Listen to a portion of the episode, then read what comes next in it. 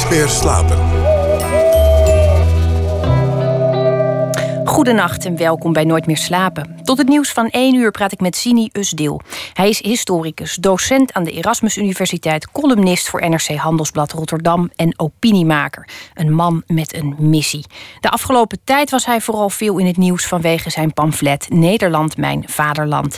En daarin stelt hij zichzelf de vraag waarom we nog steeds niet snappen dat Usdeel een Nederlandse achternaam is. Zijn visie roept stevast heftige reacties op, inclusief de nodige doodsbedreigingen, maar oogst ook bijval. Met name jongere generaties lijken zich steeds vaker af te vragen wie mag voor gastheer spelen in dit land en op basis waarvan eigenlijk. Nederland, mijn vaderland, gaat onder meer over het voeren van een echt gesprek. Over wat er misgaat als actievoeren een doel op zich wordt. En over alles wat er bedoeld wordt wanneer we het woord allochtoon laten vallen. Zini Usdeel, geboren in 1981 en grotendeels getogen in Rotterdam. Bekend in dit boek bovendien zwart op wit dat hij nog nooit heeft geolieworsteld. Zini, welkom. Dank u wel. Je hebt een hele drukke week achter de rug en iedere avond keer je terug naar het epicentrum van de discussies over identiteit. En dat is natuurlijk Rotterdam. Ja. Dat is een stad die wij eh, delen. En ehm, het zal jou ook niet, uh, niet, niet onbekend zijn dat het in Rotterdam heel vaak gaat over de echte Rotterdammer. Ja. Vind jij jezelf een echte Rotterdammer? Wil je een eerlijk antwoord? Ja, graag. Ik ben het wel, maar eerlijk gezegd begin ik me steeds minder zo te voelen in mijn eigen stad. Want uh, ik constateer toch dat wij in Rotterdam in zekere zin best wel een minderwaardigheidscomplex hebben. Uh, nadenken vinden wij eigenlijk helemaal niks. We bezuinigen uh, podium van debat bezuinigen we weg. Van kleins af aan snapte ik het al niet. Uh, geen woorden, maar daden. Wat betekent dat nou? Dat je gewoon dingen doet zonder na te denken? Want daar begint het steeds meer op te rijken in mijn, uh, mijn stad. Dus ja, het is weer geen positief antwoord, maar. Uh... Nou, het, misschien, misschien ook wel. Want um, wat ik heel interessant vond, is. Ik, ik verhuisde naar Rotterdam. Jij bent er ook niet geboren. Je, je, je bent eigenlijk. Niet doorvertellen, maar tot mijn negende woonde ik in Brabant. Maar dat zijn we inmiddels vergeten. Nou, ik, ik, ik, ik wilde inderdaad de angel uit het gesprek halen. door gewoon even je afkomst te benoemen. Je, je bent een Brabander. Het geeft niet. Ik heb hele, ken hele aardige Brabanders. In Rotterdam is het heel vaak zo dat je, als je import bent, dat ben ik dus ook, aangesproken wordt daarop. Ja. Dat vindt iedereen ook normaal. Toen ja, ik in Rotterdam kwam wonen, werd ik consequent. Ah, jij komt van platteland. Uh, je, ik begreep Rotterdammers niet. Rotterdamse humor begreep ik niet. Ik was dan ook zo iemand die. Uh, nou ja, allerlei grappen werden op mij uitgetest en zo. Omdat ik dan een beetje het boerendochtertje was die aan was komen lopen. En toen dacht ik, toen ik jouw boek las wat is het eigenlijk merkwaardig dat we dat in het klein heel normaal vinden. Dat je dus nooit een echte Rotterdammer wordt als je niet, nou ja, tot, tot je nek onder de olieverf zit, eh, oliespatten en, en, en je, je opgestroopte mouwen.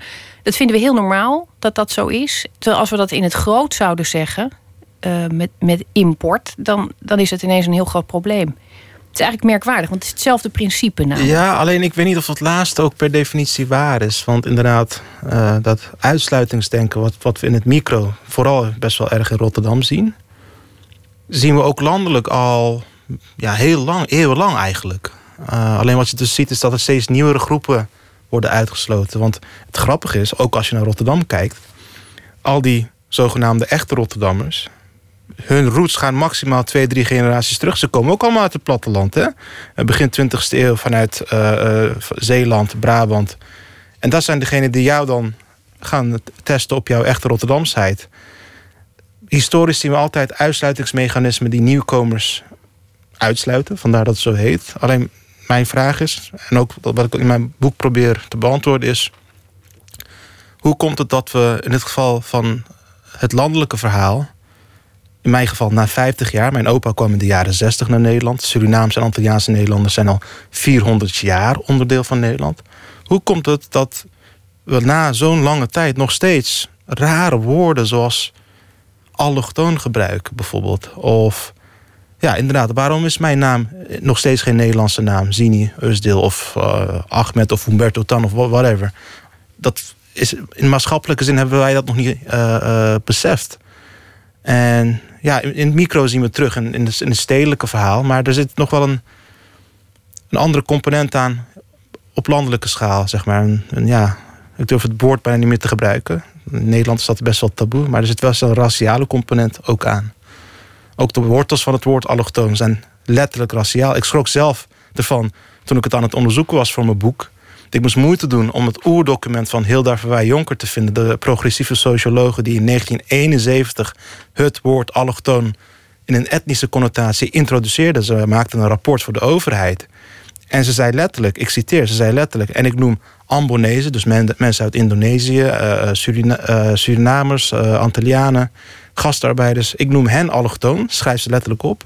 Want, zegt ze, zij hebben een andere huidskleur. En daarom noem ik Duitsers, Belgen en Amerikanen geen allochtoon. Dat schrijft ze letterlijk op.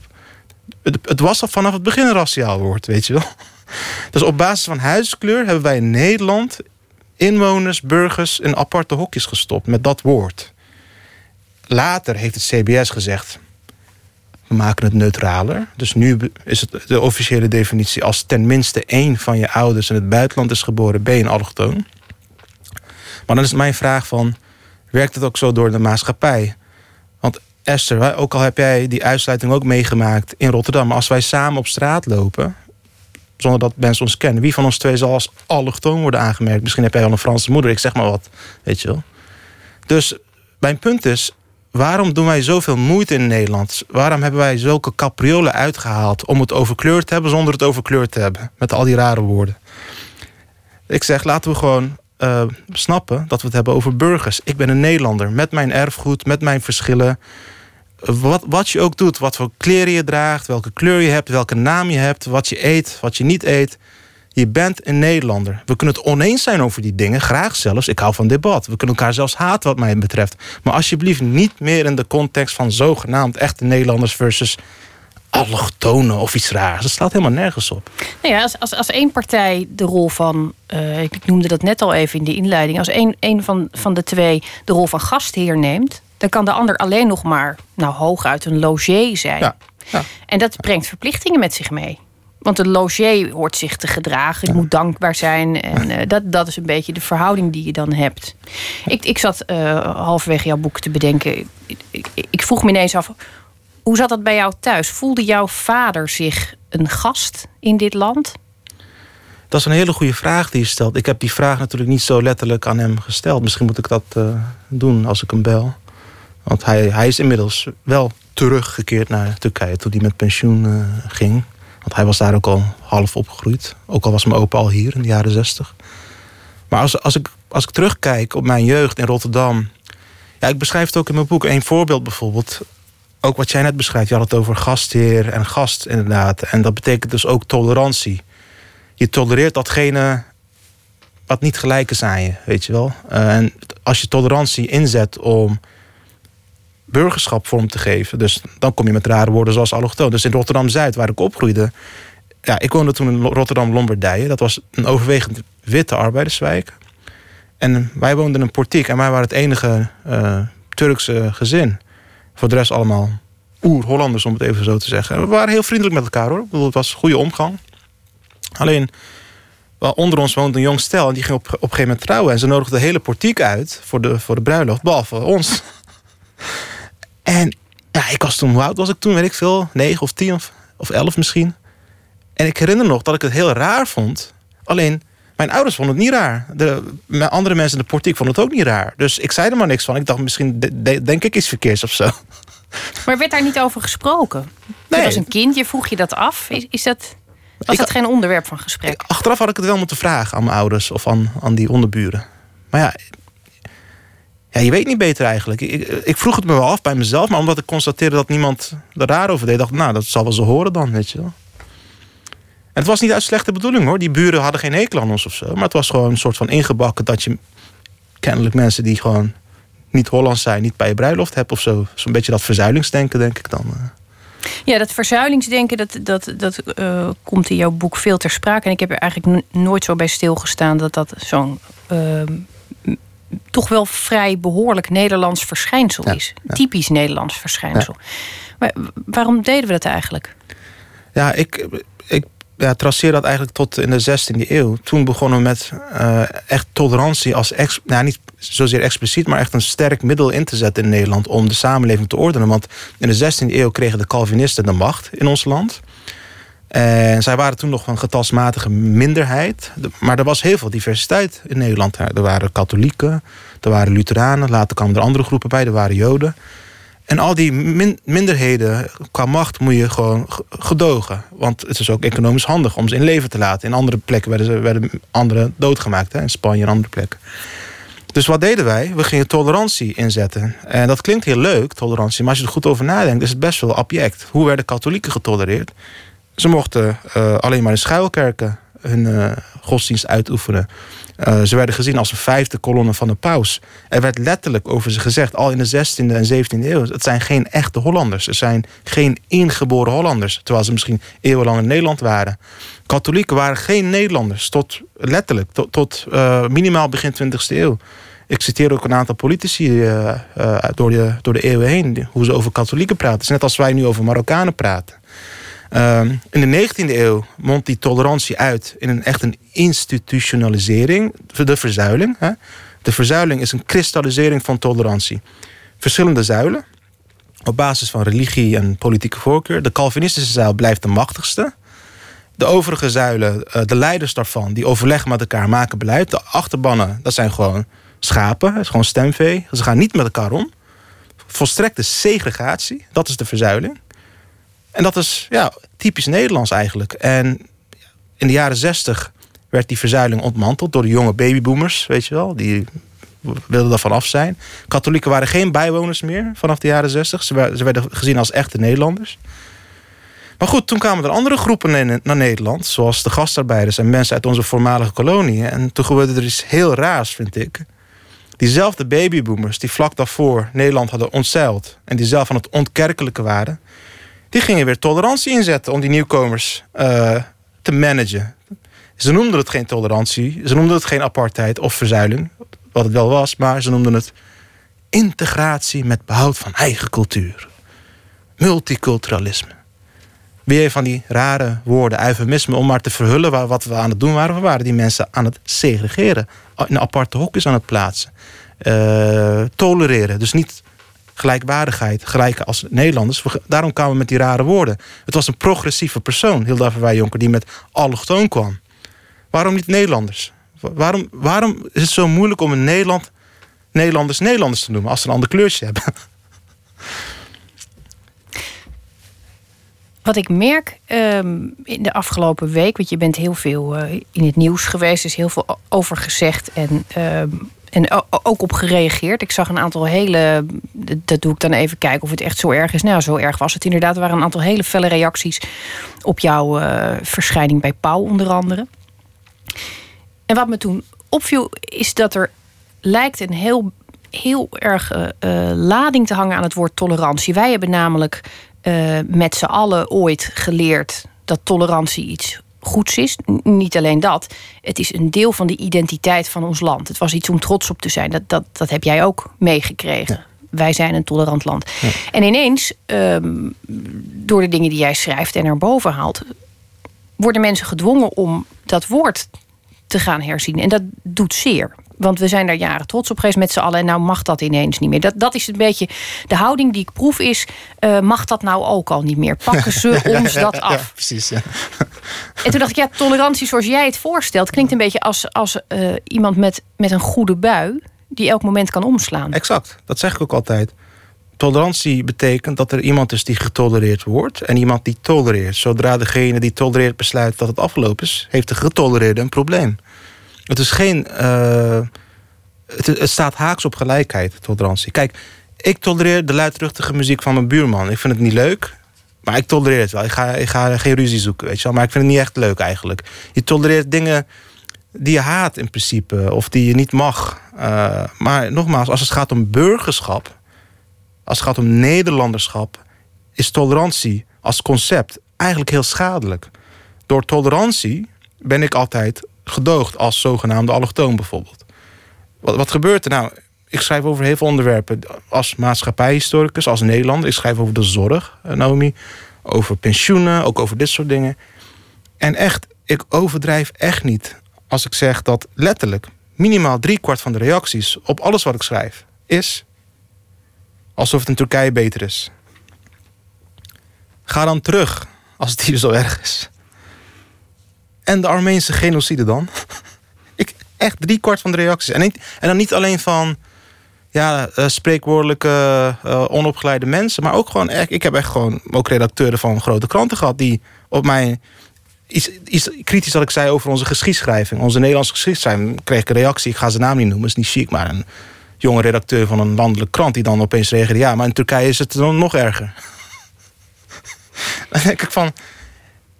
En dat is geen grap, maar ik maak me echt zorgen. Als ik ooit hier kinderen krijg en kleinkinderen... wanneer houden het op? Wanneer zijn, wanneer zijn zij geen allochtonen meer? Wanneer worden zij wel aangesproken op een argument en niet op een afkomst? Want ik wil debat. Niemand hoeft met me eens te zijn. Graag niet zelfs. Maar pak me aan op mijn argumenten, niet op mijn afkomst, weet je wel. Ik vind dat gewoon raar.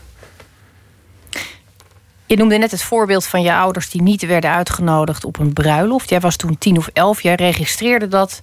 Wist niet of en hoe je dat bespreekbaar moest maken, maar je registreerde het. Is het daar al begonnen dat, dat jij, want dit, dit is een onderwerp waar jij je de afgelopen jaren, je carrière loopt eigenlijk in een soort trechtervorm naar dit onderwerp. Het lijkt of, of dit heel vroeg begonnen is. Je, je verbijstering hierover, op zijn minst. Het wordt net dokter Phil zo. Heb je nog een sofa hier? Uh, nu moet ik echt, uh, oké, ja. Uh, ja, nu het zo zegt. Ja, misschien wel. Nee, ik denk ja het is natuurlijk geen toeval, denk ik, dat ik in bepaalde onderwerpen ben geïnteresseerd. Maar ja, tegelijkertijd, ik heb echt heel felle en kritische stukken over de bezuinigingen geschreven, weet je wel. Dus ja, waar komt dat dan vandaan? Ik weet het niet. Maar die bijzondere interesse die ik heb over Nederlanderschap, over uitsluiting, insluiting. Ja, ik kan me niet voorstellen dat dat niks te maken heeft met mijn jeugd. Ik verwijs er ook naar in mijn boek. Uh, nou ja, het is nogal een confronterend gegeven. Als je 11 bent, 10, 11, je maakt dat soort dingen mee. Ja. Uh, ik, ik weet op die leeftijd had ik, had ik incidenten in, in dat opzicht die heel, heel vormend waren. Dat je voelt dat je anders bent of dat je er buiten wordt gezet. Of dat je. Uh, ik kan me voorstellen dat het daar begint. Nou ben ik, vind ik het heerlijk om af en toe met dokter Phil vergeleken te worden. Nee. Maar ik, ik geloof echt dat een onderwerp waar je je leven lang eh, mee door moet... dat moet wel iets zijn waar je persoonlijk door geraakt bent ooit. En dat is in dit geval, lijkt me bijna niet. Nee, ik denk dat, ik denk dat je gelijk hebt, ja. ja. Want... Uh, nou, ik, ik geef een paar, voorbeelden in mijn boek, want dat snappen heel veel mensen niet. En dit is echt niet om in een, een soort van slachtofferrol of wat dan ook te schieten. Daar gaat het helemaal niet om. Maar het gaat erom dat. Het, kijk, voor mij eh, zal het nooit 100% begrijpelijk zijn. Ik zal nooit kunnen voelen wat jij bijvoorbeeld voelt om als vrouw door het leven te gaan. Er zijn allerlei uitsluitingsmechanismen, ook, ook in ons land, voor vrouwen. Bijvoorbeeld als je puur naar de statistieken kijkt, zie je het al. Weet je wel, vrouwen die gemiddeld bijna 25% minder verdienen voor dezelfde baan. Nou, ik kan, ja, en uh, ook allerlei subtiele culturele dingen. Dus ik kan me nooit verplaatsen in hoe jij als vrouw door het leven gaat. Welke uitsluitingsmechanismen jij voelt. En dat geldt in maatschappelijke zin ook voor zogenaamde allochtonen. Elke zogenaamde allochtoon die in Nederland opgroeit... heeft te maken met die dingen die ik in mijn boek beschrijf. Of het nou discriminatie op de arbeidsmarkt is... of dat je gewoon... Ja, ik als gymnasiast, als jongen van 15... die heel enthousiast uh, wil uitgaan... gewoon letterlijk met mijn witte vrienden ging ik uh, uit. Uh, en ik was de enige die niet binnenkwam, weet je wel. Niet één keer, maar elke keer. ik heb nooit een bondkraag gehad of een opgeschoren hoofd. Hoe, dus... hoe verklaarden zij dat dan? Want zij waren erbij, ze zagen dat gebeuren. Wat, wat, wat zeiden nou, ze dan? Ja, zie niet, je haar zat slecht of zo. Of je had hele rare schoenen aan die avond. Nou, op de middelbare school was het niet echt sociaal. Zij gingen gewoon naar binnen en niet mij achter. Dus ik moest alleen naar huis. Maar toen ik uh, studeerde... Uh, aan de universiteit, toen ging het anders. Toen merkte ik echt van, ja, ik wist toch nu, ik had me toch niet ingelezen, maar ik werkte hoe, in, wat in wetenschappelijke termen wit privilege is, uh, werkt. Want met mijn witte studievrienden, we gingen brallen, we gingen de meest gekke dingen doen, we gingen grenzen verkennen, zoals elke jonge student. Ik zat in een studievereniging. En tot mijn verbazing kwam met heel veel dingen gewoon weg. Uh, mensen vonden het misschien irritant wat we deden, maar we werden niet als soort van boeman behandeld. Wat ik wel was gewend, opgroeiende Rotterdam-Zuid, zeg maar. Ik geef een paar onsmakelijke voorbeelden in mijn boek. Ik weet niet of je het wil herhalen hier op de radio. Graag. Ja, ik ben dol op onsmakelijke details. Ja, bijvoorbeeld, we gingen... Dat is echt geen grap. We, we gingen meisjes lastigvallen uh, als brallende studenten. We gingen tegen de bar plassen als we een biertje gingen bestellen. En, en, het ergste wat we deden was, en dat was zo, ja, achteraf best wel ernstig eigenlijk. We waren zo dronken op een gegeven moment op Stadhuisplein in Rotterdam. Op een doordeweekse dag. Echt laveloos dronken. Dat we gewoon, we gingen gewoon plassen op het moment dat we moesten plassen. En we hadden eens door dat we tegen een Tweede Wereldoorlog monument aan het plassen waren. En ja, iemand had kennelijk de politie gebeld. Toen kwam de politie wel eindelijk. al, die, al die slechte dingen die we deden. We werden meegenomen. We kregen een wildplasboete. En de agenten zeiden tegen ons... Nou, dat is wel zonde van jullie geld. Volgende keer gewoon op plaspaaltje opzoeken. Jongens, en gewoon even een biertje drinken. Dus we werden gewoon als mensen behandeld... in plaats van als een boeman. En uh, voor mij, ik dacht, wauw, zo kan je dus ook door het leven gaan. uh, en om terug te komen op je vraag. Uh, er gebeurde één keer Rotterdammers kennen het wel. Vroeger had je plan C op de Oude Haven. Daar, dat was mijn studentenstek. Waar ik met, mijn witte studievrienden elke donderdag of zaterdag ging, ging stappen. En ik vertelde hem wel eens over vroeger, hoe het vroeger was om gediscrimineerd te worden tijdens het uitgaan. En zij zei: Nou, je overdrijft. Precies wat je zegt, weet je wel. Je had misschien niet de goede kleren aan of wat dan ook. Maar goed, grappig was, één keer kwam ik te laat. Daar, zij waren al binnen. En wat gebeurt er? ik word weer geweigerd. Terwijl ik elke week kwam. En de reden was, ja, alleen vaste gasten. Dat zeggen ze altijd, die uitsmijters. En ik weet uit ervaring, je moet niet in discussie gaan met uitsmijt. Het heeft geen zin. Als je wordt geweigerd, ben je geweigerd. Punt. Dus ik bel mijn maat op. En ze lopen naar buiten. En ze zijn helemaal shocked, want ze hebben het nooit ervaren. En ze zien het gebeuren, weet je wel. En ze waren echt boos. En ik zei, jongens, niet discussiëren, laten we ergens anders naartoe gaan. Ik heb ze uiteindelijk mee weten te sleuren. En toen zeiden ze tegen mij, ja, dat is wel grappig. Vlak voor jou kwam een dronken Brabander in een zwembroek naar binnen. Die voor het eerst was. En toch weer die Brabanders. Ja, weer die Brabanders. Ja. ja. Dus uh, jullie, hebben, jullie hebben ook een beetje privilege. Nee, maar uh, wat belangrijk is denk ik bewustwording. Als je zelf een beetje kan verplaatsen in de ander, in de levenservaringen van de ander. Kijk, nogmaals, niemand hoeft het met me eens te zijn. Uh, alleen, wat ik wel zou willen zien is in Nederland dat we stoppen met mensen bij voorbaat uh, uh, taboe verklaren. Mensen die met kritiek komen bij voorbaat wegwijven. Niet eens luisteren naar elkaar. Weet je. Laten we niet gewoon naar elkaars argumenten luisteren. En proberen in elkaar te verplaatsen. En dan zo kunnen we vooruitkomen, denk ik. Met een echte debat, een echte discussie.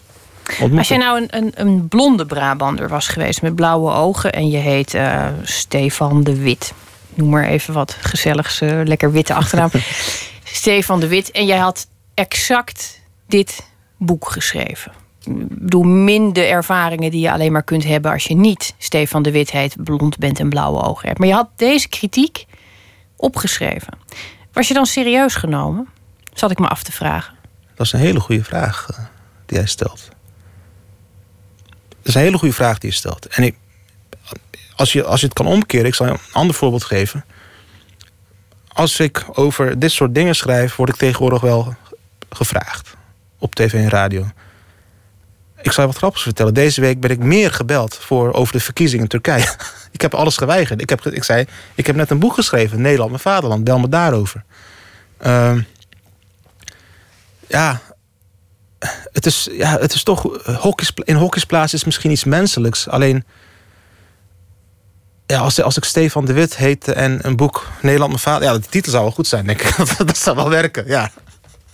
Nou, ik, ik vraag het vooral omdat ik dacht: wat, wat zijn nou de manieren om dit soort kritiek uh, buitenspel te zetten? Een van de manieren is tegen jou te zeggen: uh, ga lekker terug naar Turkije. Een andere manier om uh, kritiek, als het namelijk van Stefan de Wit zou zijn gekomen, dan kunnen ze zeggen: joh man, waar heb je het over? Jij weet helemaal niet wat die mensen doormaken. Je, je, moet niet die problematiek van de allochtonen naar je toe trekken, Stefan de Wit. Je weet helemaal niet wat het is. Dus ook een manier om het ongeldig te verklaren. Dus en dat ben ik met je eens. En ik heb ook heel veel kritiek in mijn boek op wat ik noem uh, uh, beroepsactivisten in Nederland. Die inderdaad activisme tot doel hebben verklaard. En soms zie ik dingen voorbij komen. Een voorbeeld die ik in mijn boek noem is. Nou, dan gaan we het weer over Zwarte Piet hebben. Maar goed, los van de discussie daarover. Twitter, kom er maar in. Ja, kom er maar in. Dan gaan we weer. Ja, in Iran heb je ook Zwarte Piet. Dat was ook een argument. Iran is gidsland. Oké. Maar goed, uh, ik constateerde in 2013... Ik, ik, schrijf zelf al sinds 2006 over Zwarte Piet. Nou, toen had je nog geen Twitter of wat dan ook. De mails die ik toen kreeg. Toen dacht ik, wow, dat was echt... Nou, gelukkig kwam de discussie weer op gang, een aantal jaren later. En in 2013 was het een soort van momentum. Uh, waarin ook heel veel bekende Nederlanders omgingen en inzagen dat het gewoon een, blackface-iconografie was uit de slavernijperiode. En toen was er een grote demonstratie in Amsterdam. Uh, en voor het eerst zag je bij zo'n demonstratie ook gewoon witte Nederlanders, gewone mensen met een gezin en kinderen. En die hadden kleurenpieten bij zich. Dat zag er leuk uit en zij waren de, ze gingen meedoen. Dat vond ik echt vooruitgang. Maar wat gebeurde er? Op het podium kwam de ene zichzelf radicaal vindende spreker naar de andere. Ze sleepten de Palestijnse kwestie erbij. Ze scholden mensen die een kleurenpiet wilden uh, ook uit voor fout. En ik zag in mijn ooghoeken al die witte gezinnen die met de beste intenties daar waren, die, gingen, die waren aangedaan en die dropen af. En toen voelde ik mijn water, hier gaat iets mis. Die uh, beroepsactivisten, die allochtone beroepsactivisten, die zijn helemaal niet bezig met bewustwording of wat dan ook. Ze hebben activisme tot een soort van, uh, ja, sport. sport gemaakt voor de bühne. wat je ook hoort is van, er zijn heel veel witte Nederlanders die zich oprecht om dit, om dit soort dingen bekommeren. En die ook een inclusief land willen en geen allochtonen willen. En die zich zorgen maken om discriminatie. En zodra ze hun mond erover trekken, ja, jij bent wit en je weet niet hoe het is, dus jij mag er niks over zeggen. Dat, is een, dat gebruiken ze gewoon. Ook, ook gewoon mensen die ik hoog op had. Zeg maar. Dan denk ik van, denk eens even na, waar, waar staat het op? Je verklaart iemand bij voorbaat failliet, omdat hij een kleur heeft. Dat is toch raar? als, als ik over feminisme schrijf, Esther, ik, ik zeg, ik kan me niet verplaatsen, ja, maar ik kan wel statistieken opzoeken. Ik kan wel uh, refereren naar wetenschappelijke studies. En ik kan op basis daarvan bevindingen doen en dingen opschrijven zonder te pretenderen dat ik weet hoe het is. Dan ga je toch niet tegen mij zeggen: je bent een man, hou je mond maar. Hoop nou, mag kopen, tenminste. Nee, dat zou ik niet zeggen. Ik, ik zou denk ik de, de, de, de poging op zijn minst uh, appreciëren. Ja, de poging tot verplaatsing in. Ik denk dat het daar allemaal mee begint en misschien ook eindigt. Um, ik zat halverwege jouw boek een beetje met een ongemakkelijke sensatie, omdat ik me begon af te vragen hoe ziet mijn Nederlander er eigenlijk uit? Ik ben ervan overtuigd dat, dat, dat ik daar een beeld bij heb. Dat, dat moet. Ik heb bij elk woord een beeld, dus bij het woord Nederlander heb ik ook een beeld. Dat moest ik helemaal opgraven uit mijn politieke correctheid. Dus ergens diep op de bodem vond ik hem toen. En um, dat was best schokkend. Want mijn uh, Nederlander is dus gewoon een. Uh, en het is een man.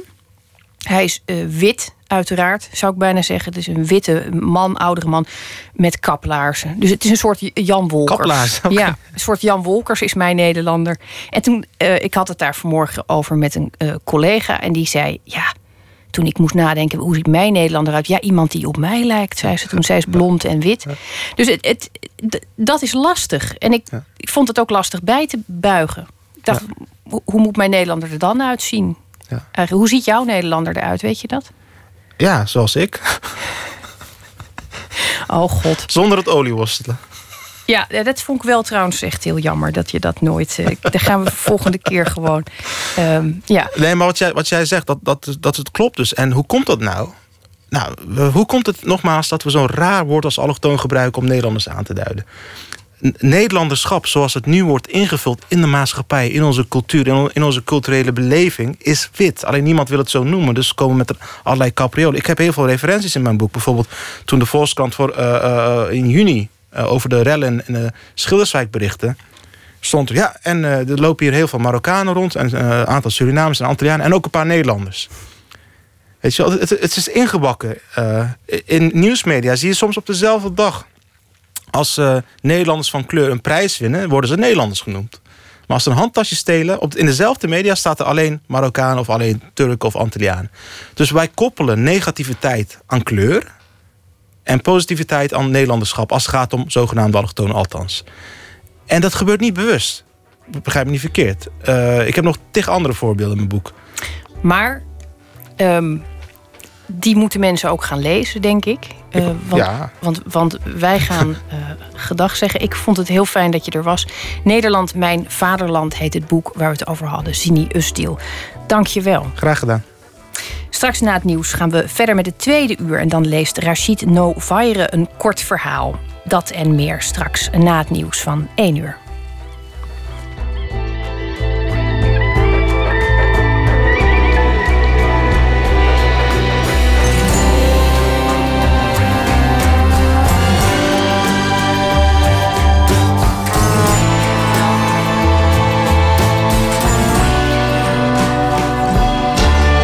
Radio 1. Het nieuws van alle kanten.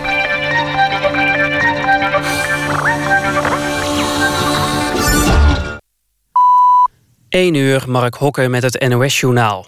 In een nachtclub in de Roemeense hoofdstad Boekarest zijn door een ontploffing en een brand 26 doden gevallen. Meer dan 100 mensen zijn gewond geraakt en naar ziekenhuizen gebracht. Volgens de autoriteiten kan het dodental verder oplopen. In de club waren zo'n 400 mensen voor een concert. In de zaal waar de brand uitbrak zou maar één uitgang open zijn geweest. Veel mensen zouden in het gedrang om naar buiten te komen gewond zijn geraakt. Over de oorzaak van de ontploffing in Boekarest is nog niets bekendgemaakt. Volgens een getuige was er binnen een show met vuurwerk. Minister Ascher gaat de werkachterstanden bij het UWV aanpakken. Bij de uitkeringsinstantie worden meer mensen ingezet...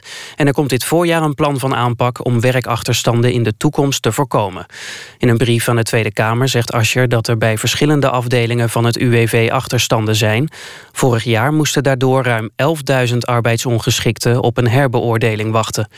Als er niets gebeurt, loopt dat aantal volgens Ascher verder op. Hij wil samen met het UWV kijken welke concrete acties moeten worden ondernomen.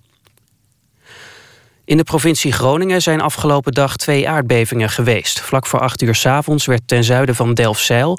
een beving gemeten van 2,3 op de schaal van Richter. Een paar uur eerder was er een beving van 1,7 op de schaal van Richter... in de buurt van Loppersum. Over eventuele schade is nog niets bekendgemaakt. In de meeste gemeenten in Nederland blijven pieten zwart of bruin tijdens de intocht van Sinterklaas. Dat blijkt uit een peiling van het Algemeen Dagblad. In 225 gemeenten verandert er weinig tot niets aan de intocht. De gemeenten die wel iets veranderen zetten roetpieten in met vegen in hun gezicht of gekleurde pieten. Dat doen onder meer Amsterdam, Den Haag en Almere. Het weer droog met minima van 5 graden. Morgen overdag ook droog, geregeld zon en 15 tot 18 graden. Tot zover het NOS-journaal. ANWB Verkeersinformatie. A2 Sertogenbos richting Utrecht tussen Culemborg en knooppunt Everdingen 3 kilometer. Op de A27 Almere richting Utrecht tussen knooppunt Almere en Almere Hout 4 kilometer. En op de A27 Utrecht richting Gorkum tussen knooppunt Everdingen en Noordloos 6 kilometer en een vertraging van een uur. En dit was de verkeersinformatie. NPO Radio 1. VPRO. Nooit meer slapen.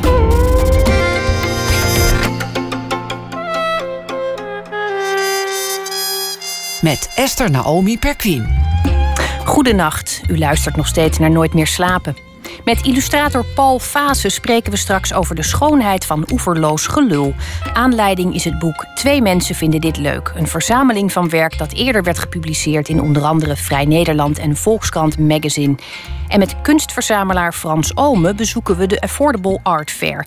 Waar moet je op letten als je kunst gaat kopen? Maar we beginnen dit uur zoals gebruikelijk met een beschouwing bij het nieuws middels een kort verhaal. En de gastschrijver van deze week is Rachid Novaire. Op zijn negentiende debuteerde hij met de verhalenbundel Reigers in Cairo. En inmiddels heeft hij verschillende romans op zijn naam staan, waaronder zijn pas verschenen boek Zeg maar dat we niet thuis zijn. Rachid, goeienacht. Goeienacht. Je hebt de hele week eh, voor ons ehm, tot, uh, tot diep in de nacht natuurlijk kranten en internetsites zitten bekijken. Ja, je lacht gelukkig nog. Maar het was best een zware klus natuurlijk. Ja, het is intens qua ritme, ja. ja. Ik ben een normale vroegslaper, dus uh, het was een andere week als anders.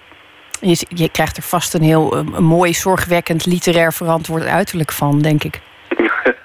ja, helemaal getekend. Een beetje slapeloze schrijver die... Het duidelijk uh, alles gegeven heeft wat hij in zich had. Ja, ja, het was ook wel heel mooi om inderdaad andere kranten open te slaan dan ik uh, normalerwijze doe. Dus ik vond het een hele inspirerende week. Gelukkig. Wat is het verhaal dat je, uh, dat je deze dag op het spoor kwam? Nou, vannacht uh, is het de nacht van de geschiedenis in het Rijksmuseum. En ik uh, heb mij daar al op geconcentreerd. Er is ook een tentoonstelling Amsterdam-Azië. En daar is ook een portret te zien van Johannes Hudde. In 1686 geschilderd door Michiel van Musser. Hij is 19 keer burgemeester geweest. En ik stel me op deze dag in de actualiteit voor... hoe Johannes Hudde vanuit de 17e eeuw een bezoek brengt aan, uh, aan het Amsterdam van nu. Aan het Rijksmuseum. We gaan uh, luisteren. Deze geschiedenis ligt nu achter me. Maar ik zeg altijd tegen Deborah Blauw, mijn wijf, dat me vergezelt op kuiertochten en thuis braaf het vuur oppookt. Ik zeg tegen Deborah Blauw, als we ons uitgeteld in de bedsteden neervlijen, push verder, keer terug. Land voor je uitgestrekt is land achter de rug. Deze geschiedenis is wat ik heb met Amsterdam. De stad waarvan ik 19 keer burgemeester ben geworden. De stad waar ik mezelf een Japanse rok aanmat en poseerde voor een schilder die me wilde vereeuwigen omdat ik hem dat vroeg. Ik ben naar 2015 gelift om te zien of het schilderij hangt in het museum dat aandacht schenkt aan onze destijdse modebeelden. Het was een mode toen. De Japanse rok was in trek en Deborah Blauw hield er ook van als ik de Japanse rok droeg. Deze avond, terwijl ik in het Rijksmuseum wil gaan rondlopen, draag ik de rok ook. Niemand staat me na. In Amsterdam staren de mensen niet. In Amsterdam is het zoals Descartes ooit fijnzinnig opmerkte... je kan hier naakt rondlopen en niemand besteedt er aandacht aan. Het enige wat er hier boeit is de handel. Ik neem vanavond tram 24 en kijk naar buiten. Buiten zie ik mensen verkleumd door de kou. Er zijn ook zwarte bij. Van het type dat wij vroeger een enkele keer vingen, gevangen hielden en bestudeerden... ter lering en de vermaak in Amsterdam. Ik hoop maar niet dat het Rijksmuseum daar te veel bij stilstaat... Ten slotte waren er ook zwarte edelen. Ik heb niet alleen van ze gehoord. Ik heb er ook wel eens één de hand gekust. Hij droeg dezelfde Japanse rok als ik. Ik denk dat je ehm, zonder dat te beseffen een prachtige brug slaat uh, tussen het uh, voorgaande gesprek met Sini Ustil. Oh. En uh, de tentoonstelling waar ik het straks met Anne de Meester over ga hebben, dat is namelijk deze. Um, dus je, ja, dat is wonderlijk hoe jij in een week. Dat is deze. Ja, dat is. Ja. Amsterdam-Azië. Ja, daar gaan we het straks over hebben. Later vannacht. Dat, is heel, dat vind ik heel bijzonder. Ik ook. Wat, wat uh, trok jou aan in deze man? Nou, de veelzijdigheid ook sowieso. Hij was apotheker eh, volgens uh, de website van het Rijksmuseum. Maar later las ik ook terug dat hij wiskundige was. Dat hij veel heeft gedaan aan de verversing van het grachtenwater. had allerlei ideeën voor de stad. En uh, nou, ik hou zielsveel van Amsterdam. Dus ik uh, zie al de bijdrage die hij heeft geleverd in de plekken waar ik zo verankerd ben. Ik vind een man die zich bezighoudt met de verversing van het grachtwater sowieso een, een verhaal waardig. En misschien zelfs wel een roman. ja, dan moet ik even bij de sluizen gaan mediteren aan de Amstel. Uh, net waar ik begon aan het begin van de week met mijn verhaal over de, de zeehond bij de Hermitage in de Amstel. Dus uh, we houden het op het pijl van de grachten. Ja, nou het is prachtig. Zo beginnen we met water en we, en we eindigen ermee. Rachid Novaire, heel veel dank voor je bijdrage deze week. En ik wens, je, ik wens je een enorm goede nachtrust de komende tijd. Dankjewel. Dag. Tot ziens. Kodiak Deathbeds is een Amerikaans duo dat bestaat uit Derek Fudesco en Amber Webber. En van hun titeloze debuut is dit Never Change.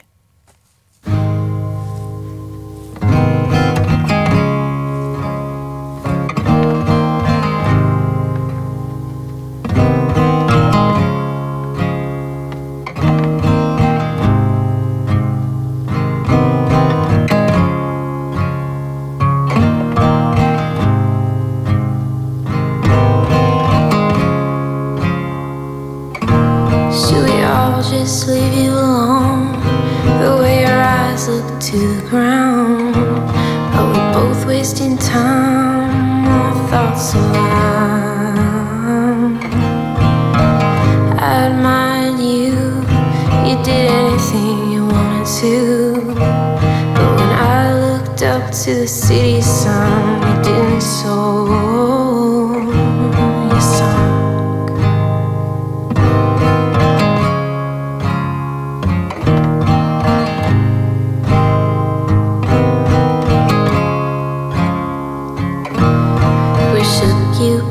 alive when your lips were blue and you had no what to took.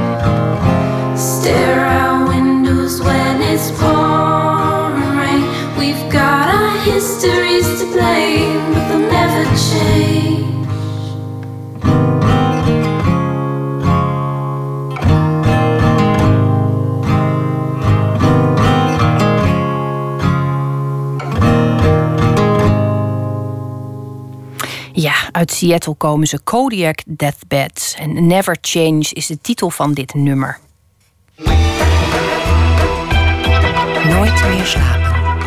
Lezers van de Volkskrant, Vrij Nederland, VPRO-gids en binnenkort ook de Libellen kennen het werk van Paul Vaassen. Zijn tekeningen en cartoons combineren een enorme variatie in stijlen om het menselijk onvermogen te verbeelden. Eerdere werken, Horizonvulling en Dieren zonder honger, waren al verschenen en nu is er dan twee personen vinden dit leuk. Maarten Westerveen zocht Paul Vaassen op in zijn nieuwe atelier.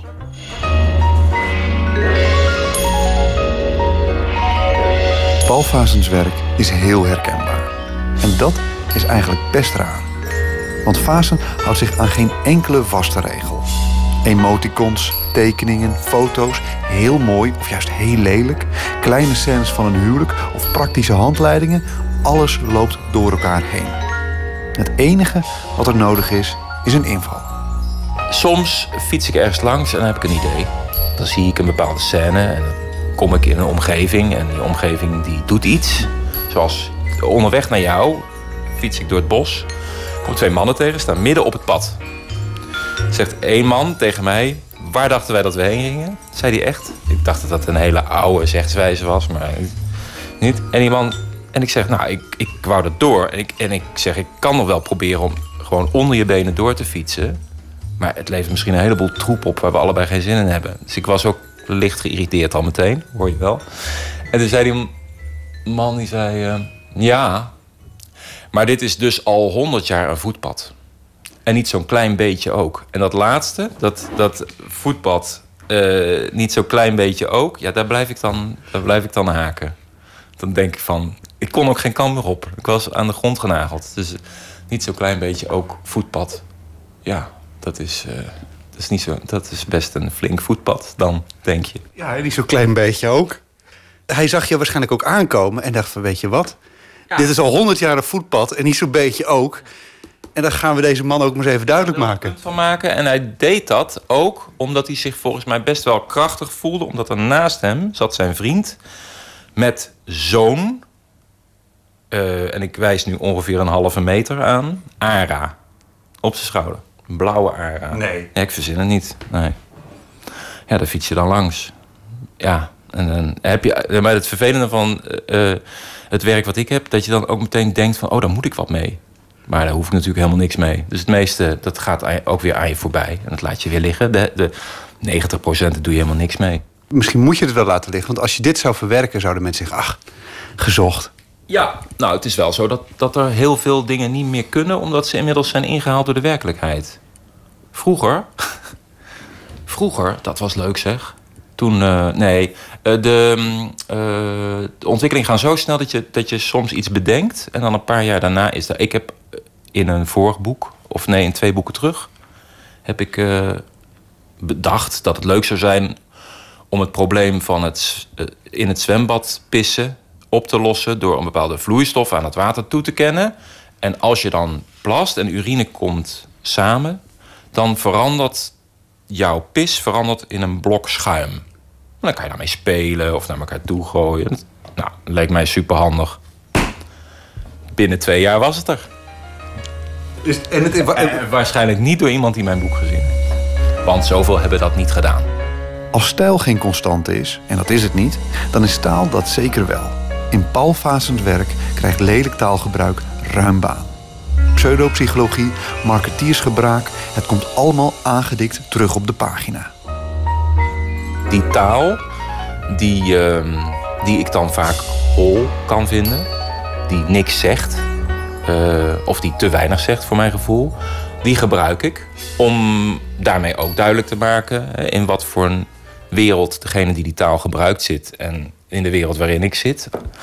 Eh, maar eh, dat is denk ik, ik maak me daar niet boos om, want dat zou een beetje jammer zijn natuurlijk. Want ik, ik kan er iets mee. Ik heb daar blijkbaar een gevoeligheid voor en ik wil daar dan iets mee doen. Misschien wel om te laten zien dat het ook ehm, voor mij een beetje bullshit is.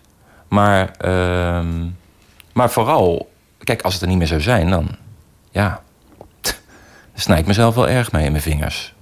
Dus ja, ik moet er blij mee zijn. Wat maakt nou dat die taal, die zo lelijk is en die zo overtuigend hier ook op, de, op het papier ligt en ook over, overdreven wordt nog, ehm, wat maakt nou dat het jou zo kietelt? Ja, dat ik me voortdurend afvraag wat het betekent. Ik, ik weet dan gewoon echt niet wat iemand ermee bedoelt.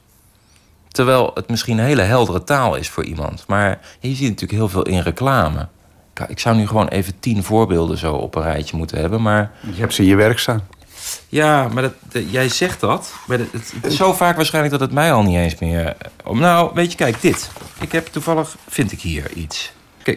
Er ligt dan een eh, ontbijtscène en er staan allemaal attributen... en er staat dan bij brood zoals brood bedoeld is. Ja, weet je, dat zijn van die, van die zinnetjes. Ik heb ook wel eens een, een brood gevonden. Daar staat dan eh, brood gebakken. Nou, je kent eh, passiebrood. Passiebrood is met passie gebakken. Dus ik krijg dan de prikkel om een sticker te maken waarop staat met passie voor fabrieksbrood gebakken. En dat dan terug te plakken.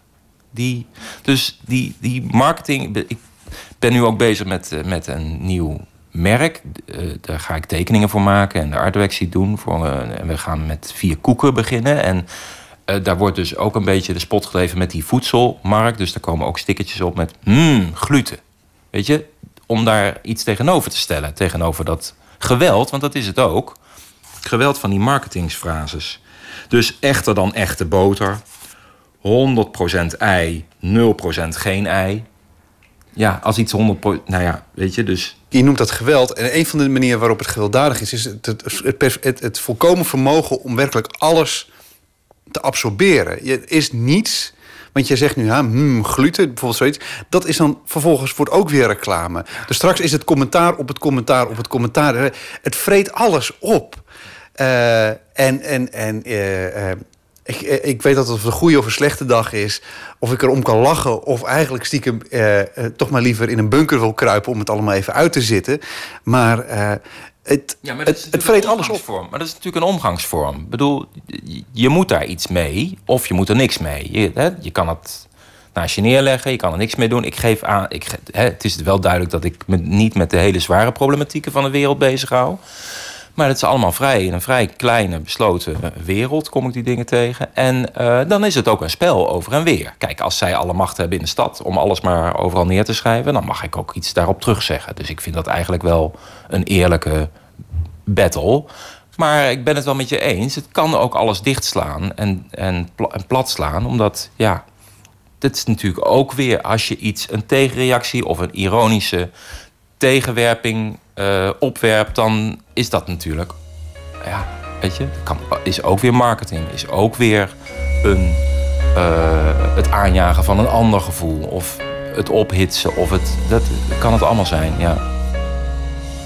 Een gevolg van al deze onzin is dat de karakters in Paul Vasens werk vaak wat verloren lijken. Iedereen probeert van alles aan elkaar duidelijk te maken, maar niemand weet hoe te luisteren. Maar ik denk dat dat, ja, dat dat ons universum wel is. Ja, tenminste, dat, zo zie ik het. Ik denk dat wij vrij moeilijk in staat zijn om elkaar te begrijpen. Echt te begrijpen.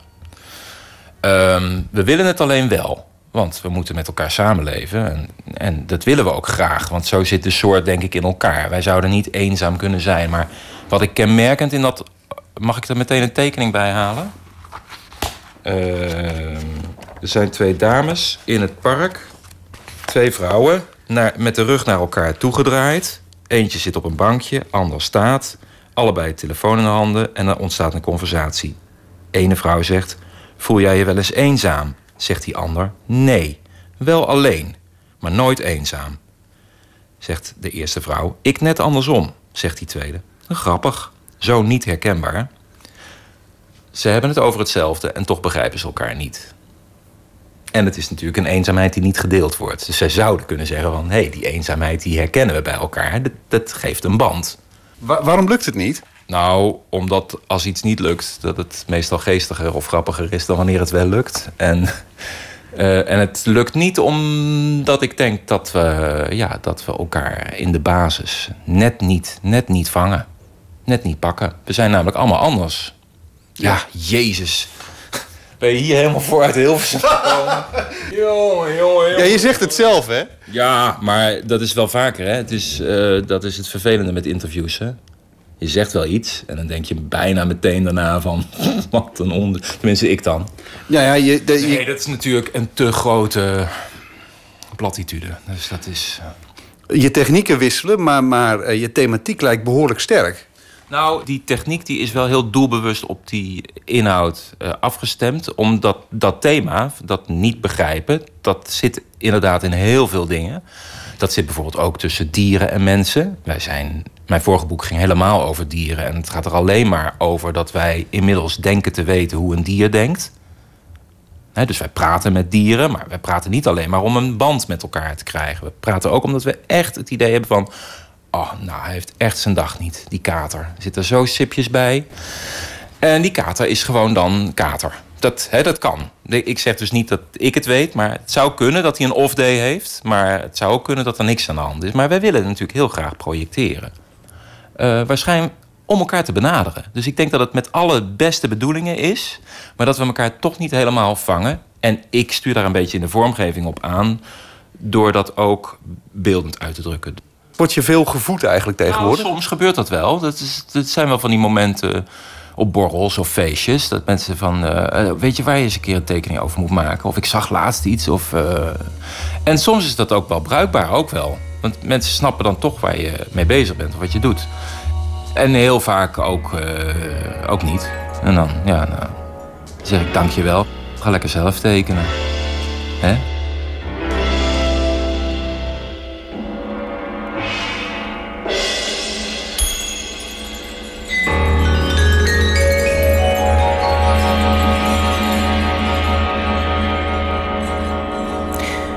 Hoorde cartoonist en illustrator Paul Vase over zijn nieuwe boek Twee personen vinden dit leuk, verschenen bij uitgeverij De Harmonie.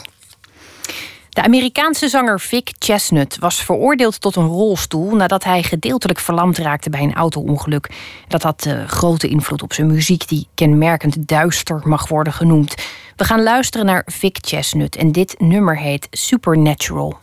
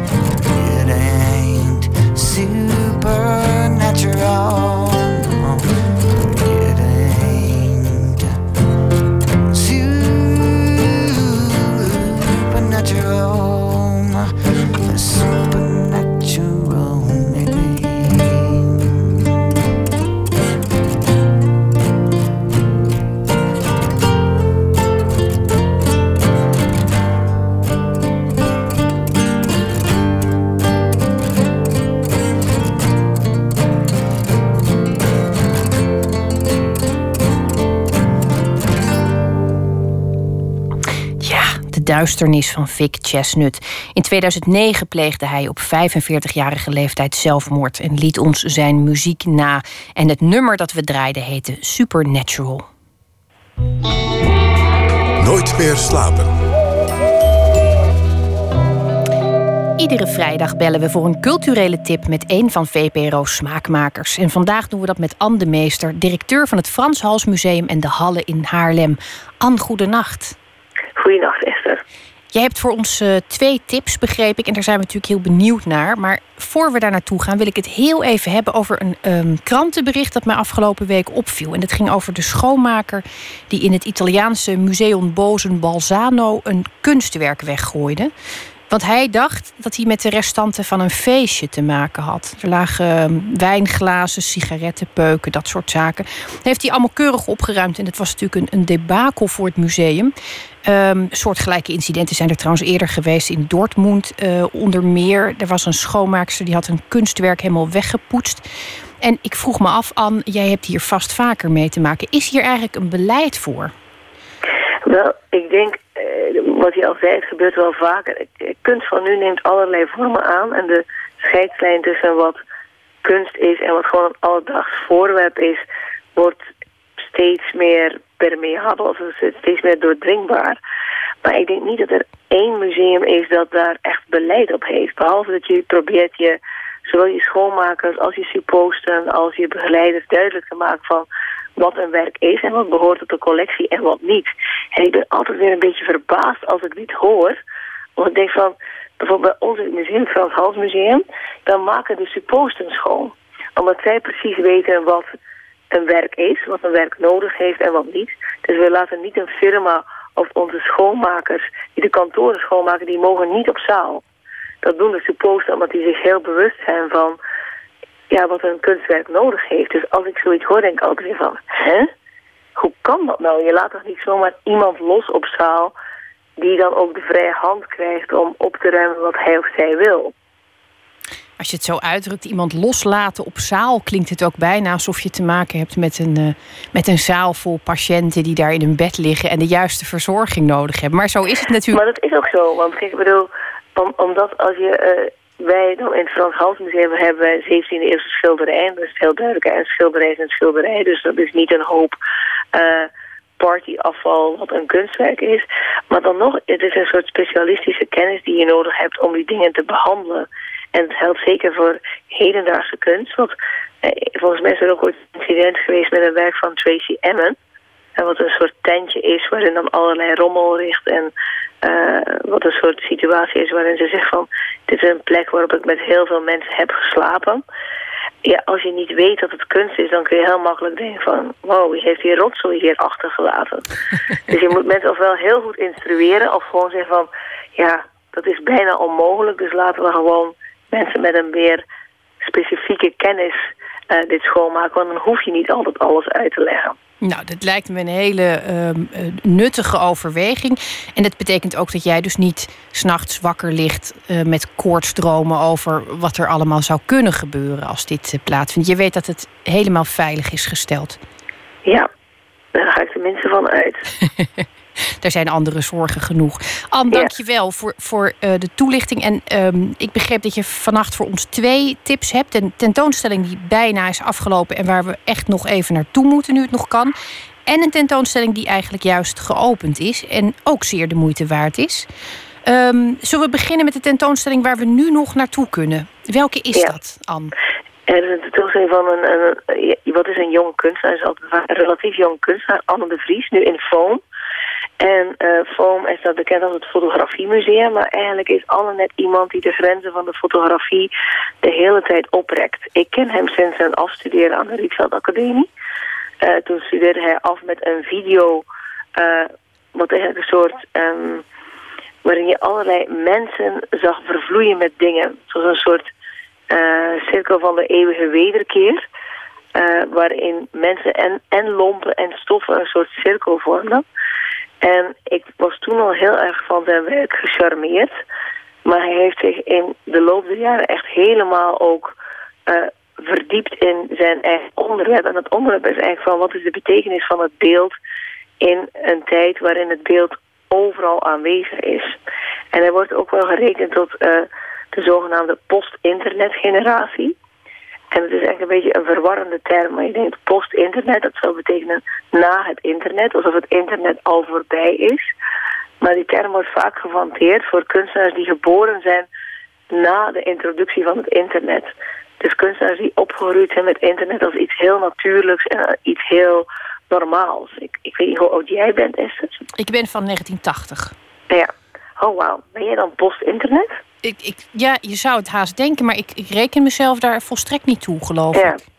Ja, ik ben 1975, dus ik ben in elk geval niet post-internet. Eh, in 75 had je nog niks dat op het internet leek. Maar als je laat in de jaren 80 bent geboren, toen was... ik, ik vraag me af of het nu correct is wat ik zeg. En als je in de jaren 90 bent geboren, dan was internet gewoon al een feit. En dat beïnvloedt natuurlijk hoe je naar de wereld kijkt.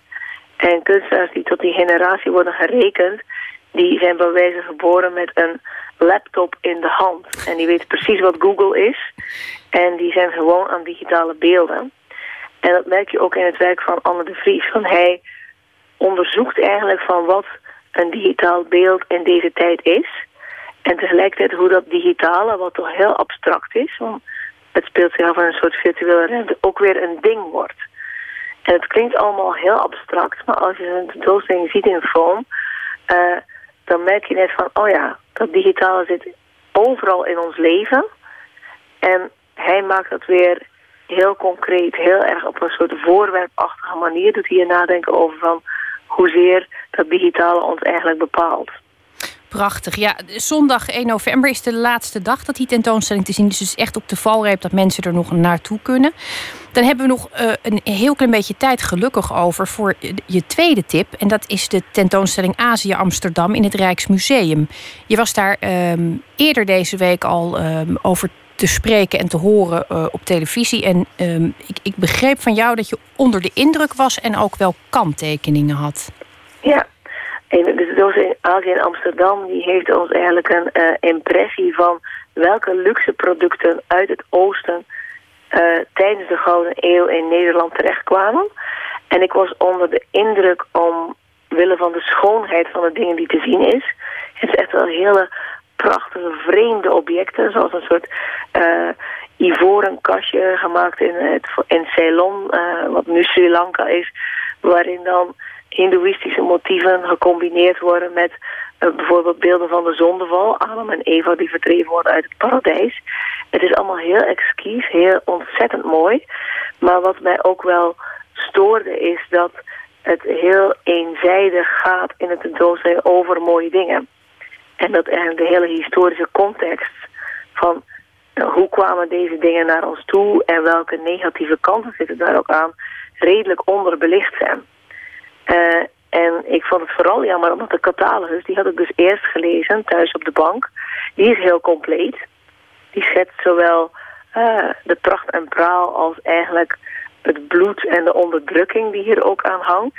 En dan kom je in de tentoonstelling en dan zie je alleen maar een soort halleluja verhaal. En dat, dat vond ik wel teleurstellend. En tegelijk denk ik van, dit moet je zien, want het laat deze tentoonstelling toont heel mooi van hoe het oosten en het westen naar elkaar keken en hoe ze elkaar beïnvloeden. Hoe wij nu Delfts blauw hebben omdat Nederlanders gefascineerd waren door Chinees porselein. Maar omgekeerd ook van hoe uh, bijvoorbeeld uh, de shoguns en de samurai in Japan uh, ons goudleerbehang zo ontzettend vreemd, exotisch en curieus vonden. Dat ze dat ook, zich ook wilden toe-eigenen. En in plaats van het als behang gebruik, gebruiken, dat ze daar dan eigenlijk kleding gingen van maken. Dus je ziet heel goed die wisselwerking tussen Oost en West. En de nadruk ligt vooral op van hoe keek het Westen naar het Oosten. Maar er zijn ook kleine hints van hoe het Oosten naar ons keek. naar het Westen als ook vreemd en uh, bijzonder. Anne, het klinkt als een uh, volle en een aanlokkelijke tentoonstelling. Um, en jouw kanttekeningen, die, die kan ik me volledig navoelen. Ik ga er zeker heen. Um, heel hartelijk dank voor allebei je adviezen. En ik wens je een hele goede nacht. Dankjewel. Ik zie jullie ook nog een prettige voortzetting. Dank je. Rory is een zanger en rapper uit Atlanta in de Amerikaanse staat Georgia. Hij maakt een soort folkhop, aangezien hij akoestisch gitaarwerk combineert met soul en hip-hop. All We Need is zijn eerste album en daarvan is hier Kingdom Come.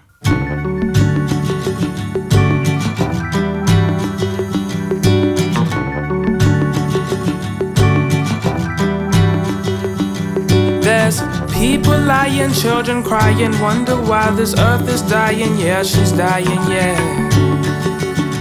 Oh, yeah. There's preachers sinning, evil winning. Times I fear this world is ending, world is ending, yeah. Oh, yeah. The king's descending, breezes winding, clouds now raining, thunderstorming, Armageddon, yeah. Oh, oh, yeah. Don't be surprised, but be aware of how you lived and who you are, and most of all, where. Oh, oh, where. Where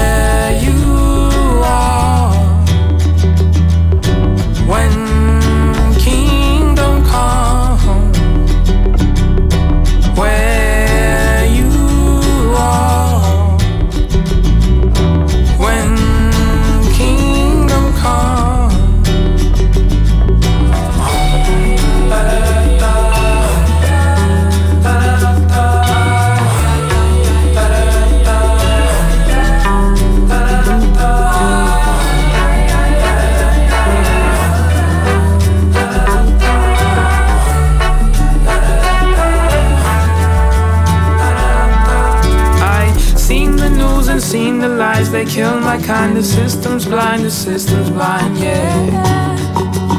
Oh, oh, yeah.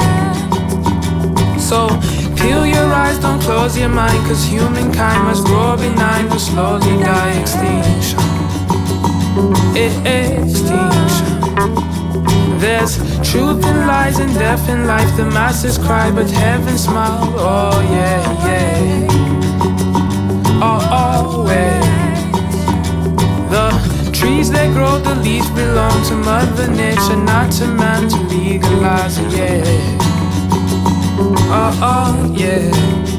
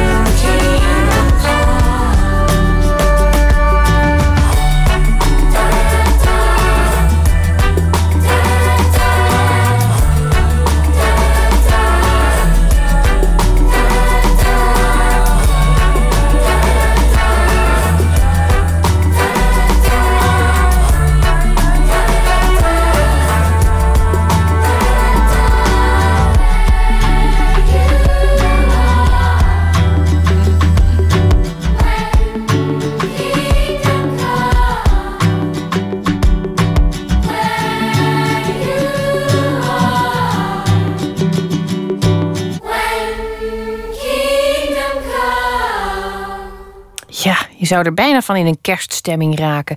Kingdom Come was dat van zanger en rapper Rory. Nooit meer slapen. Een verzamelaar moet wel gek zijn, want een verzameling is niet nuttig. Dat is het motto van de markante kunstverzamelaar Frans Omen. Verslaggever Adinda Akkermans ging met hem naar een kunstbeurs om te leren hoe je kunst koopt.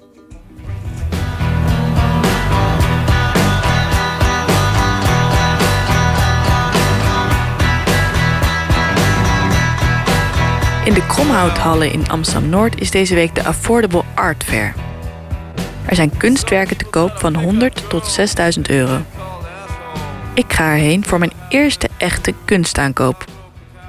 Maar hoe weet je eigenlijk of je iets waardevols koopt? Eerst maar eens advies inwinnen bij de ervaren kunstverzamelaar Frans Omen. Ik haal hem op bij zijn huis. Hoi. Kom binnen. Het huis van Frans Omen is een museumstuk op zich. Het staat chockvol met kunst. Overal waar je kijkt zie je schilderijen, beelden en rare objecten. In totaal heeft hij zo'n 1500 werken verzameld. Hup, zie je, pas op dat je niet valt. We gaan een eh, smal trappetje af. Pas op, ja. Je ziet, het hangt allemaal vol, eh, vol met kunst. Nou, dit is mijn meesterwerk. Dat is van eh, Robert Ryman. 16 kleuren wit. En eh, nou, ik heb hem toen kunnen kopen. Omdat, omdat ik mijn... ik had een hypotheek aangevraagd om te verbouwen. Maar ja, ik kocht toch liever dat prachtige ding. Dus die verbouwing duurde nog even. Maar wel een Robert Ryman één muur. En hier op de grond, daar zit een... Topwerk van Arnoud Mik.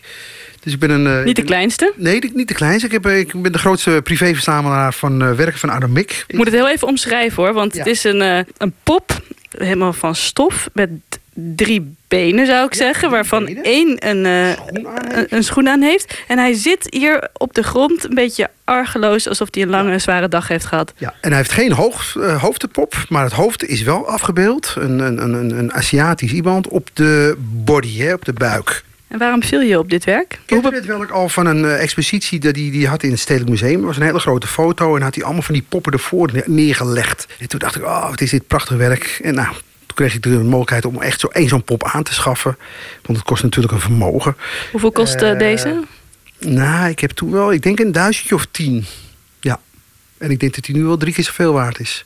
En je bent niet bang dat eh, als er zo'n een bezoeker komt zoals ik, dat, dat ik er dan overheen struikel en dat het daarmee beschadigd raakt? Nee, nee, ik heb wel eens een keer gehad met, mijn- met mijn dochter. Dat ze een kinderfeestje gaf. En er kwamen echt eh, kinderen eh, van een jaar of zes. Die begonnen echt heel erg mee te spelen. Ik zei, jongens, even rustig. Jij hebt ook wel veel gekocht dat later in waarde is gestegen. Heb jij er een goede neus voor? Maar je moet niet kopen omdat je denkt dat het meer waard gaat worden. Dat is niet de bedoeling. Je moet kopen wat je mooi vindt. Alleen, ik kik er natuurlijk wel op dat ik dingen van Gerrit Richter heb gekocht. Die nu ook in, het, eh, in de pond heb ik eh, in bruikleen heb gegeven. Ja, die je voor een happenkrats hebt gekocht. En die nu ja, vele keren meer waard zijn. Dat is wel een compliment van, goh, ik heb het toch niet zo slecht gezien. Maar nogmaals, het is niet de essentie. De essentie is van, ik kies een werk. Wat is dit mooi, prachtig. En dan moet je het eigenlijk kopen. En ik heb er eigenlijk een hekel aan aan mensen die kopen met hun oren. Hé, die komen ook hier binnen. En zeggen, hé, wat is dat? En dan eh, vinden ze het eigenlijk niet zo netjes. En ik zeg, ja, dat is Rieneke Dijks. Oh, Rieneke Dijks. Oh, wat mooi. Ja, oh, dat is goed. Het eerste advies op zak fietsen we samen naar de Affordable Art Fair in Amsterdam-Noord.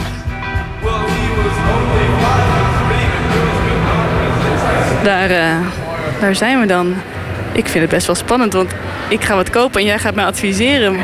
Ja, en het is echt eh, heel spannend. Want eh, je kan je geld maar één keer uitgeven. Het is ook goedkope kunst, of tenminste relatief. Het, is, eh, het goedkoopste is 100 euro, het duurste 6000.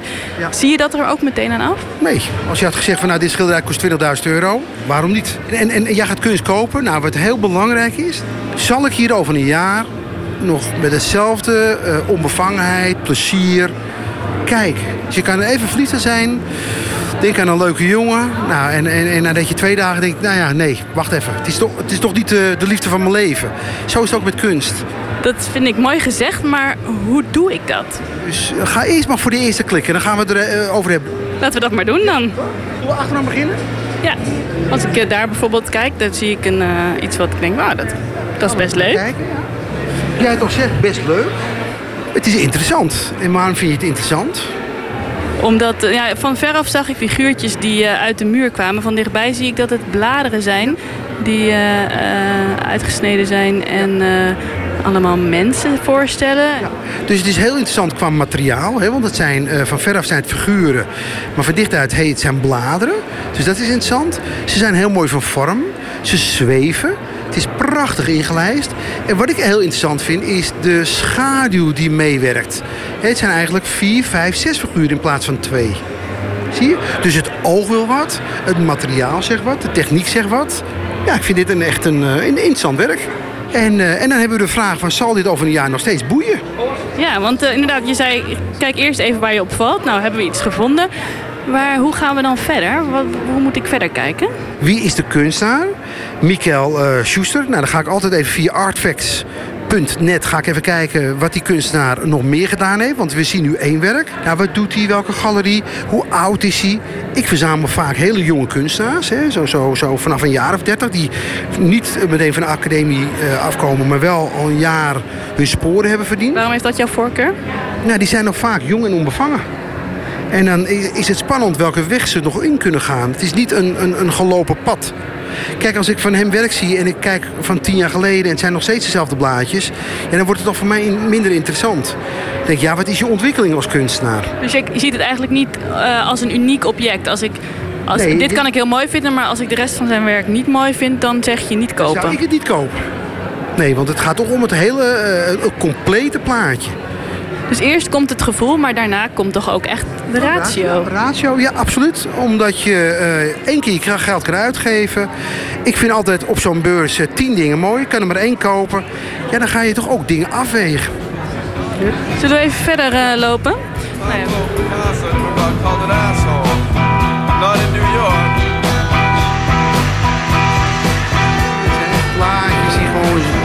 Dit is kunstig.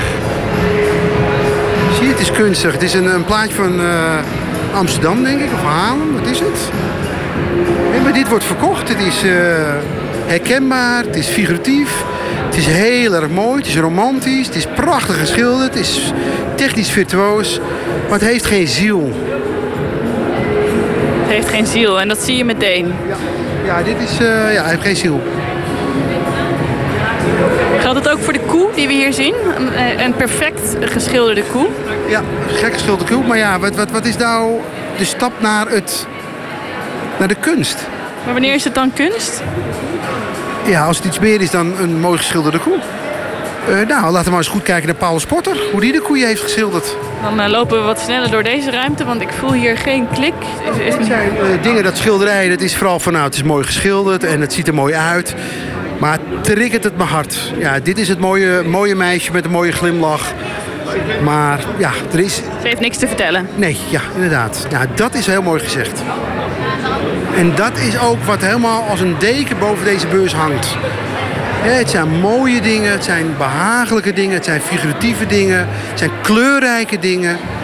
Het zijn geen kunstwerken waarvan je denkt van, goh, nu loop ik even hard weg of het is dit afschuwelijk of een negatieve emotie. Nee, het zijn mooie dingen. En waarom is negatieve emotie nou zoiets wat je zoekt? En je wilt natuurlijk toch dingen die, hebben, die, die, iets, die iets bij je doen. Die iets bij je losmaken. Snap je? Dus die, die, die iets triggeren. Eh, we leven nu met alle asielzoekers. De problematiek, zie je dat hier? Nee, dit is, dit is zondag. Dit is mooi. Die kijken, ze kijken de andere kant op. En dat is wel iets wat ik jammer vind van deze kunstenaars. Als kunstenaar ben je toch ook wel... Ja, mag je ook wel iets te vertellen hebben. Dan alleen maar mooi van vorm en mooi van kleur. En strak gedrukt en goed ingelijst en een dure lijst. Nee, wat wil je nou vertellen? Wat, wat wil je nou zeggen? Een eerste verliefdheid die een tijdje stand houdt en niet alleen maar wil behagen. Dat advies brengt me terug bij het eerste kunstwerk waar we stilstonden. Het kunstwerk van de bladeren. Ik twijfel nu een beetje, want ik vind het echt mooi. Ik, ik viel er meteen op. Ik zie het hangen eh, in mijn kamer. En ik kan me zelfs voorstellen dat ik over een jaar nog steeds geïnteresseerd ben. En stel dat ik zeg, ik, ik doe het. Moet ik er dan nog een nachtje over slapen? Ja, het is altijd eh, slim om eh, een nachtje over te slapen. Zou ik het wel reserveren. Je maakt er een foto van, je neemt het mee, je, je discussieert het met je partner. Je hangt het eens eh, denkbeeldig op de plek waar je het wil hangen. Je komt nog eens terug en als dat nog goed voelt en je kan een goede afbetalingsregeling treffen, ja, dan moet je het gewoon kopen. Dan moet je ook niet te lang twijfelen. Kopen. Goed, ik ga er dus een nachtje over slapen. Maar hoe, ehm, hoe doe jij dat als jij er dan een nachtje over slaapt? Lig je dan wakker? Of... Gil- gillend eh zwetend wakker. Vooral met de vraag van hoe ga ik het financieren? hoe doe ik dit weer? Gaat mijn reis door eh, Taiwan er nog wel door? Of eh, kan ik wel naar Japan? Of eh, kan, mijn kan, mijn, kan mijn dochter nog wel studeren? Heb je wel spijt gehad? Je hebt altijd spijt. En vooral voor de dingen die ik niet gekocht heb. Pablo Picasso never got called an asshole. Not in New York.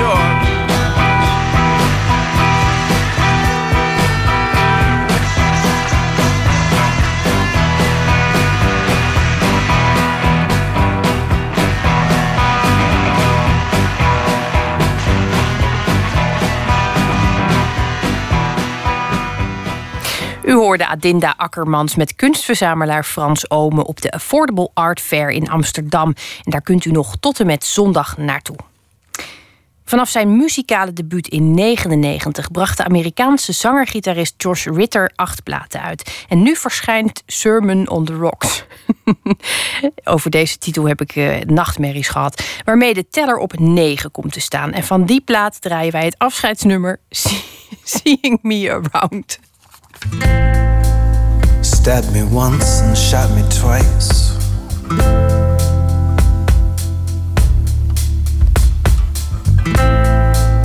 Threw me off of the bridge and through the ice.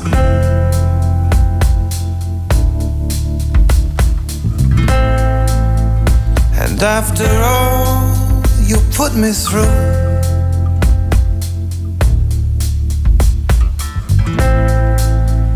Seems our champagne days were few.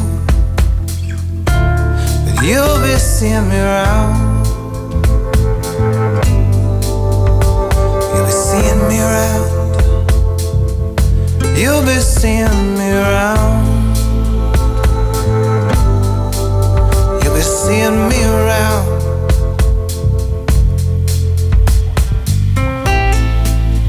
My hands were tied, my clothes were torn.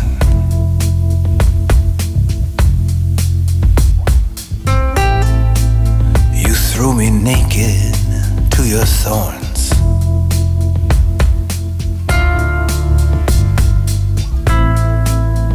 And sent me out in vain to find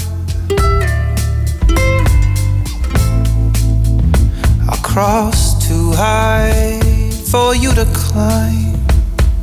But you'll be seeing me around. You'll be seeing me around. But you'll be seeing me around. You'll be seeing me around.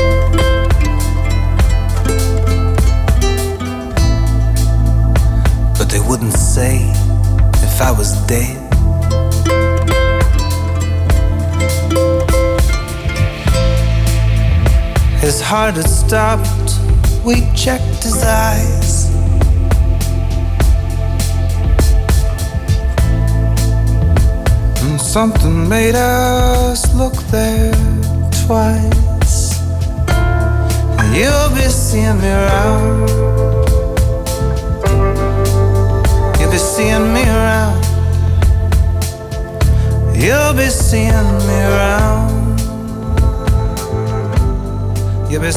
me around. Josh Ritter was dat met Seeing Me Around. En we sluiten deze aflevering weer af met een favoriet gedicht van dichter en essayist Martin Rijns. Hij sluit de reeks af met een eigen gedicht met de titel Singer-Songwriter.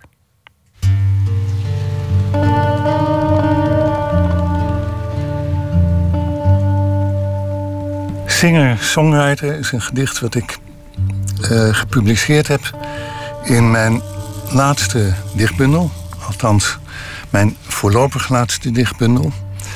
Dat was in 2010. En die bundel die heette en heet nog Lopende Zaken. Singer-songwriter. Je zet de televisie aan zonder geluid en zept totdat het beeld klopt met het geluid bij de buren. Nu weet je naar welke serie ze zitten te kijken. Maar wat heb je daaraan? Tien minuten voor het optreden komt de singer-songwriter binnen met de gitaar in een gitaarkoffer en nog iets, maar je weet niet wat. Buiten vecht een vermoeide rugzaktoerist het zweet van zijn gezicht en zet een fles water aan zijn mond. In de Himalaya slingeren de godsdiensten langs afbrokkelende bergpaadjes en over hangbruggen boven diepe ravijnen. Wolkenslierten trekken langs de hemel. De Melkweg en de Andromeda-nevel stormen op elkaar af. Tot zover deze bijdrage van dichter en essayist Martin Rijns. Singer-songwriter, zo heette het gedicht waarmee hij de reeks afsloot. En volgende week hoort u de favoriete gedichten van F. Starik. Ik vertel nog iets over maandag. Dan komt de Vlaamse schrijver Dimitri Verhulst langs. U kent hem vast van boeken als De Helaasheid der Dingen, Godverdomse Dagen op een Godverdomse Bol en De Laatkomer. En zijn nieuwe roman heet Bloedboek. Daarover gaat hij met Pieter van de Wielen in gesprek. Vannacht Woord, waar radiomaker Rob Muns vijf uur lang te gast is. Ik wens u veel plezier daarmee en een hele mooie nacht. Op Radio 1, het nieuws van alle kanten.